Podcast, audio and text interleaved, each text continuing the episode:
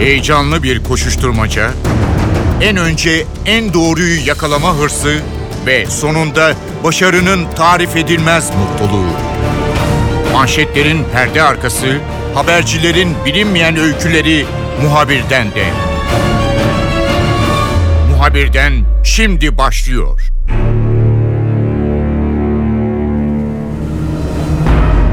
Türkiye uzun zamandır ev sahipliği yaptığı mülteciler konusunda yepyeni bir politikayı yürürlüğe koydu. Alınan karara göre Avrupa'ya gitmek isteyenlere engel olunmayacak. Yani gitmek teşvik edilmiyor ama eğer birileri de gitmek isterse bu mültecilerden ona engel olunmayacak. Tabi Türkiye'nin gidene izin vermesi Avrupa tarafında karşılayacağı anlamına gelmiyor. Dolayısıyla özellikle Edirne sınır hattında gerçekten de bir e, insanlık dramı yaşanmaya başladı. İnsanlar Avrupa'ya geçmek istiyorlar. Buna karşılık da karşı taraftaki Avrupa sınır polisi diyebiliriz, Yunan polisi diyebiliriz. Son derece sert önlemlerle mültecilere karşılık veriyor, gaz bombası kullanıyor, silah kullanıyor ve onları engellemek için de her şeyi yapmaya başladı. İnsanların bekleyişi de devam ediyor. Tüm bu gelişmeleri ilk andan itibaren NTV muhabiri Korhan Varol takip etmişti. Korhan bizimle olacak, notlarını paylaşacak. Muhabirden başlıyor, ben Kemal Yurteri.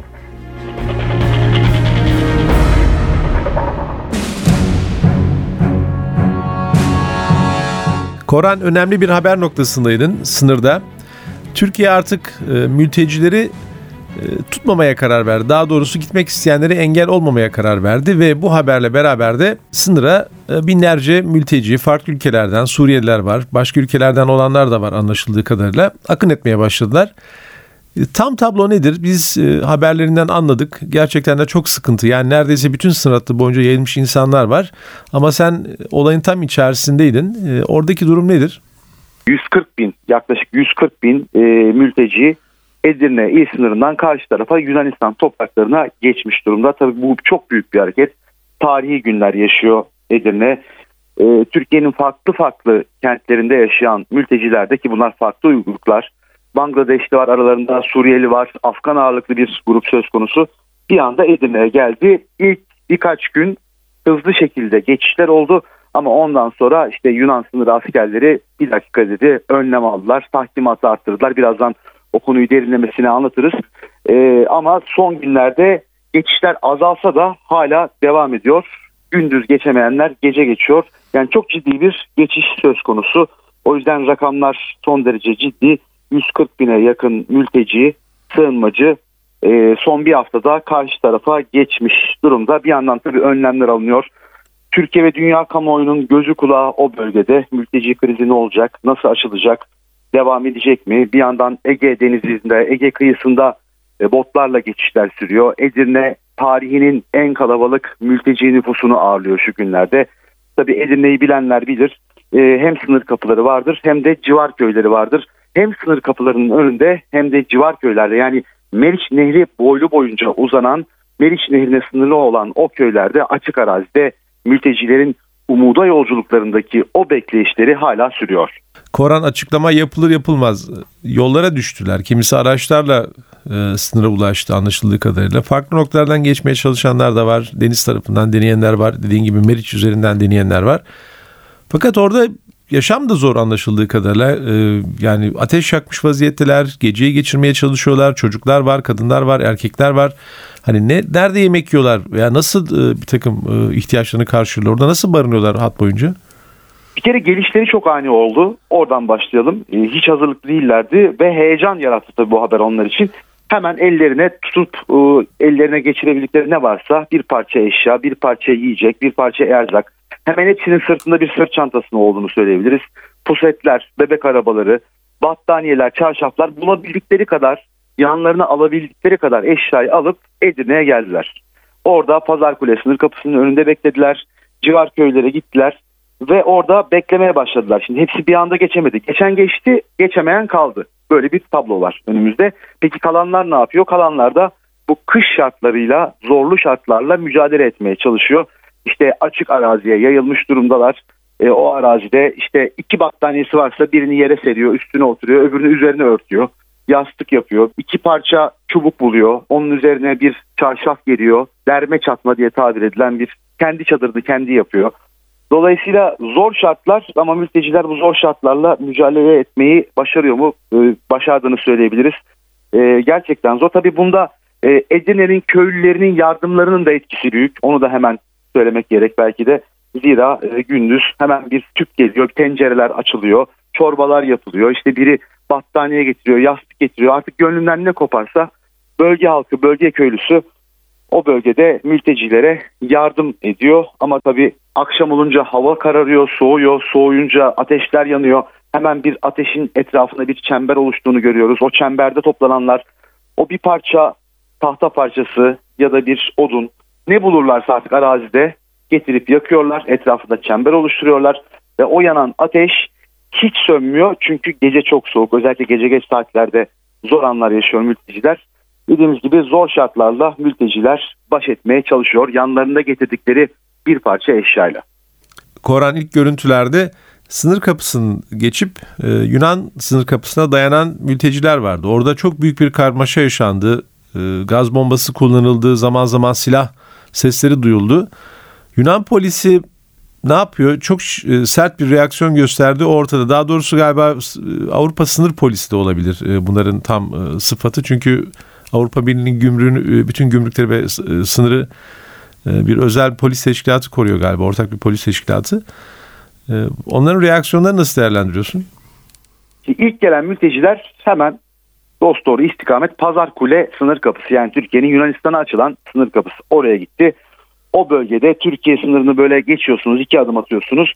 Yunanistan e, kapısının ismiyle konuşacak olursak eğer Kastenya sınır kapısı onların deyimiyle. Kastenya sınır kapısı ile Türkiye sınır kapısı arasında böyle 150-200 metrelik bir alan var. Tampon bölge diye yayınlarımızda hep bahsettik. İşte o tampon bölgede toplanıyor mülteciler. Ne zaman toplansa Yunan sınır askerleri e, ki Avrupa Birliği'nin sınırları koruyan farklı türden askerler de orada söz konusu. Zira önlem aldılar. İşte ne zaman toplansa bir grup mülteci hemen gaz bombaları havada uçuyor. E, gaz bombalarının yanında artık mermi kullandıklarını da görmeye başladık. E, zira özellikle son 3 gündür Yunan sınır askerleri hedef gözeterek mülteci vurmaya, mülteci öldürmeye kadar şiddetin boyutunu, dozajını arttırmış durumda. Yani Yunan sınır polisinin çok ciddi bir e, müdahalesi söz konusu. Sürekli olarak gaz fişekleri atılıyor. Havaya ateş açıyorlardı ilk günlerde ama o havaya açılan ateşler artık mültecileri hedef gözeterek e, açılmaya başlandı. Dolayısıyla o bölge son derece önemli. Pazar Kulesi'nin kapısının etrafında uzun bir arazi var. Tel örgüler var. Tel örgülerin karşısında Yunan sınır askerleri hem araçlarıyla devreye atıyorlar hem de elleri silahlı Yunan askerleri tel örgüleri dikkatli koruyorlar. Bir yandan da yüksek gözetleme kuleleri var. Oradan da olanı biteni karşı tarafı dikkatli izliyorlar. Tabii bir de Meriç Nehri kıyısına değinmek gerek burada belki de. O Pazar Kule sınır kapısından uzun bir hat boyunca tel örgüler var ama o tel örgülerin bittiği yerde Meriç Nehri başlıyor. Meriç Nehri de e, bilindiği üzere ta Enez'e kadar Ege Denizi'ne dökülüyor ve o uzun kilometrelerce süren hat boyunca Türkiye Yunanistan sınırını oluşturuyor. İşte suyun karşı kısmı zaman zaman nehrin daraldığı noktalar son derece kritik. Kritik çünkü mülteciler gece geç saatlerde o bölgeden karşıya geçiyorlar. Karşıda Yunan sınır askerleri devriyelerini arttırdı, sıklaştırdı. Tel örgüler konusunda takimat yapıldı ama tabii çok uzun bir hattan bahsediyoruz. Dolayısıyla mülteciler bir fırsatını bulup bir şekilde geçiyorlar. Peki yakalananlar ne oluyor? İşte onlar kötü muamele görüyor. Yakalananların üzerlerini soyuyorlar.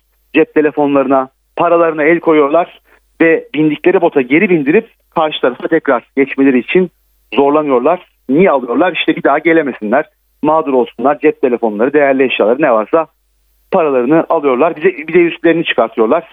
Soyuyorlar ve karşı tarafa geri gönderiyorlar. Dolayısıyla Yunan sınır askerlerinin son derece tutumlarının sert olduğunu söyleyebilirim. Ee, Koran orada uzun zaman geçirdin.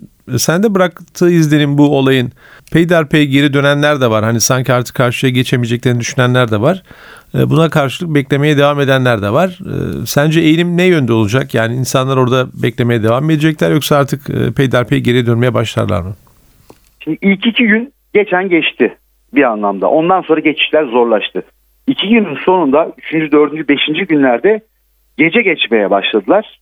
Çünkü gündüz Yunan sınır askeri artık ateş etmeye başladı. Son günlerde ağırlıklı olarak gece geçildiğini söyleyebiliriz. Ama tabii geçiş bir hayli zorlaştı. Neden? Çünkü Yunan sınır askerleri Avrupa Birliği'nden takviye kuvvet istedi. Devriyelerini sıklaştırdı. nöbetlerini ona göre ayarladı. Dolayısıyla artık e, geçme umutları yavaş yavaş kırılmaya başladı diyelim mültecilerin, sığınmacıların. O yüzden e, geri dönmek isteyenler var mı aralarında? Var ama ne pahasına olursa olsun gitmek isteyenler de çoğunlukta. Dolayısıyla inatla bekliyor mülteciler. Umuda yolculuklarındaki o bekleyişlerini sürdürüyorlar. Bence bir süre daha Edirne'de çok sayıda mülteci göreceğiz. Edirne mültecileri ağırlamaya devam edecek deyim yerindeyse. Zira e, geri dönmek istemeyenler ısrarla ve ısrarla Meriç Nehri kıyısındaki o bekleyişlerini sürdürüyorlar.